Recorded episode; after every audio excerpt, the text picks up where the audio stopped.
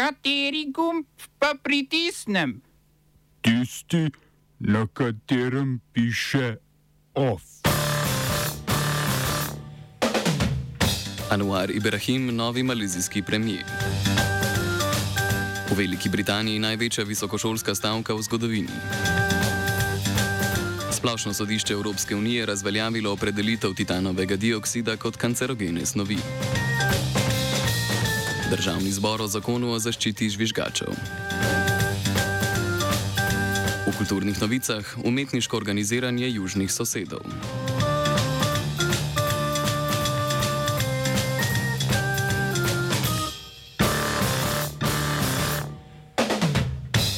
V Veliki Britaniji več kot 70 tisoč zaposlenih na univerzah stavka za boljše delovne pogoje, konec prekarnih zaposlitev, pa tudi više plače in pokojnine.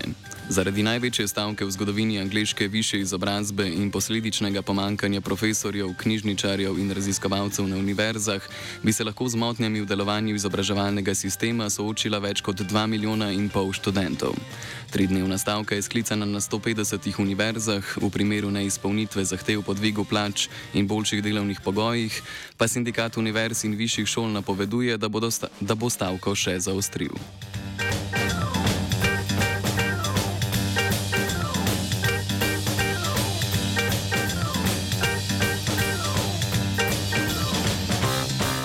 Kosovo in Srbija sta dosegla dogovor o sporu glede registrskih tablic. Vse Tako vsaj trdi Josep Borel, visoki predstavnik Evropske unije za zunanje zadeve. Kot je sporočil, bo Srbija po sporazumu nehala izdajati svoje registrske tablice kosovskim prebivalcem, Kosovo pa naj bi zaustavilo proces preregistracije in prenehalo izdajati kazni voznikom, ki uporabljajo registracije Republike Srbije. Borel je to rešitev v preteklosti sicer že predlagal, a je kosovski premijer Albin Kurti ni bil pripravljen sprejeti. Kosovska in srpska stran pa novi dogovor razumeta vsaka po svoje. Srpski predsednik Aleksandar Vučić je izjavil, da bodo srpske tablice z oznako Kosovske Mitrovice ostale veljavne in imele možnost ponovne registracije. Namestnik predsednika kosovske vlade Besnik Bislimi pa od dogovora pričakuje ravno to, da Srbija ne bo več izdajala novih tablic, prav tako pa obstoječih ne bi bilo možno obnoviti. Bislimi je sicer potrdil, da so izdajanje kazni voznikom ustavili. Vozniki s kosovskimi tablicami v Republiki Srbiji morajo po uveljavljeni praksi registracije prekriti oziroma jih zamenjati.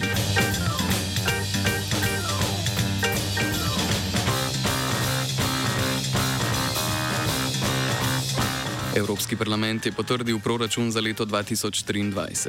Skupne obveznosti znašajo 186,6 milijarde evrov, kar je za dober odstotek več od letošnjih. Največ sredstev bo namenjenih kohezijskim politikam, ohranjanju odpornosti in vrednot ter varovanju okolja. Dodatna sredstva bodo namenjena reševanju energetske krize, okrevanju po pandemiji in ublažitvi posledic vojne v Ukrajini.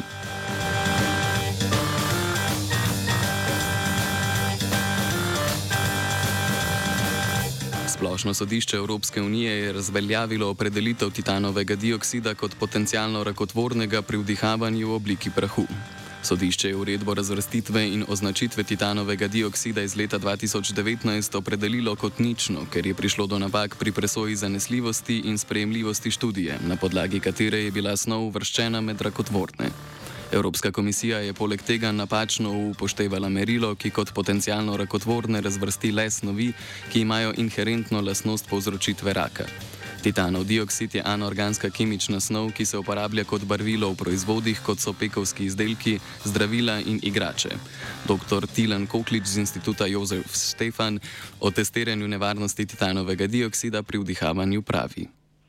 Pač mi smo se s tem ukvarjali, da bi pač in vitro na celičnih kulturah in tudi na miškah um, pokazali toksičnost tega pri vdihavanju. Ne? In smo pač videli, in to smo tudi objavili, da je zelo odvisno od oblike. No? Zaradi katere specifične lastnosti naj bi bil titanov dioksid škodljiv, še vedno ni jasno. Potem smo določili, kaj je tisto, ali je tam titan dioksid, ali je tam to kemijska struktura ali je mogoče to oblika teh majhnih delcev, ampak pa na koncu smo samo ugotovili, da je v bistvu najpomembnejše to testirati. Da, po mojem, še nobenemu ni uspel pokazati, da je samo ena lastnost nanodelca tista, ki ga naredi um, škodljivega. Malezijski kralj Abdullah je za novega predsednika vlade imenoval dosedanjega opozicijskega voditelja Anwarja Ibrahima.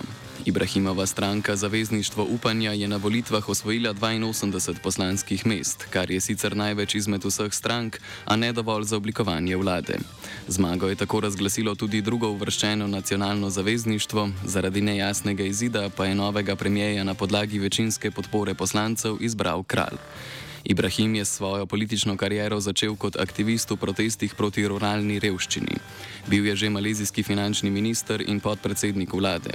Ko se je azijska finančna kriza zaostrila, ga je takratni premijer Matahir Mohamed obtožil korupcije in sodomije, zaradi česar je bil dvakrat obsojen na zaporno kazen. V Maleziji pa so takrat izbruhnili protesti za demokratično reformo. Anwar je sicer že četrti malezijski premijer v zadnjih štirih letih.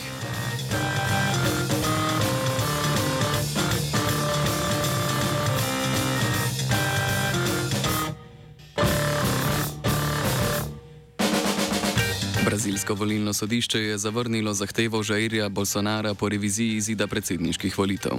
Liberalna stranka, pri kateri je kandidiral poraženi predsednik, je zaradi tega, ker elektronske naprave za oddajo glasu po mnenju stranke niso omogočile identifikacije voljivcev, uložila zahtevo po reviziji izida drugega kroga oktobrskih predsedniških volitev.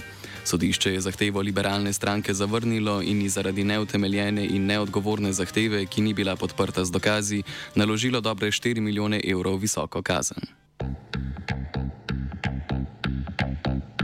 Smo se osamosvojili, nismo se pa osvobodili. Naslednje število je še 500 projektov. Izpiljene modele, kako so se strani nekdanje LDS rotirali. Ko to dvoje zmešamo v pravilno zmes, dobimo zgodbo o uspehu. Takemu političnemu razvoju se reče udar. Jaz to vem, da je nezakonito, ampak kaj nam pa ostane? Brutalni obračun s politično korupcijo. To je Slovenija,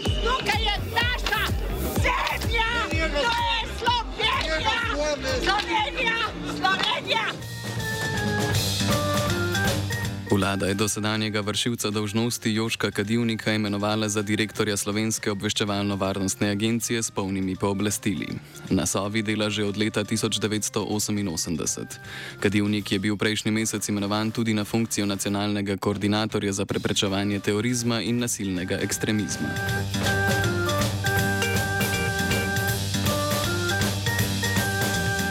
Županski kandidat v občini Gorje Janez Poklukar se je po zavrnitvi ugovora odločil, da pri razveljavitvi volitev ne bo ustrajal. Gorjanska občinska volilna komisija je zavrnila ugovor, ki ga je Poklukar uložil na izvedbo volitev, ki naj bi bile po njegovem mnenju nepoštene. Poklukar se na odločitev o zavrnitvi ugovora ne bo pritožil.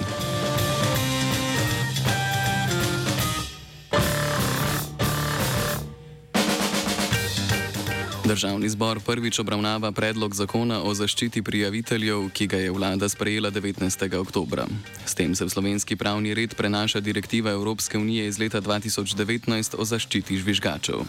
Predlog zakona uvaja tristopenski sistem prijav kršitev in uvaja sistem zaščite za prijavitelje, pa tudi globe za postopkovne kršitve njihove zaščite. Zakon bo veljal na področjih javnega naročanja, finančnih storitev, varnosti v prometu, varstva okolja, varnosti hrane, javnega zdravja, varstva zasebnosti in drugih. S prenosom evropske direktive v slovenski pravni red vlada že zamuja.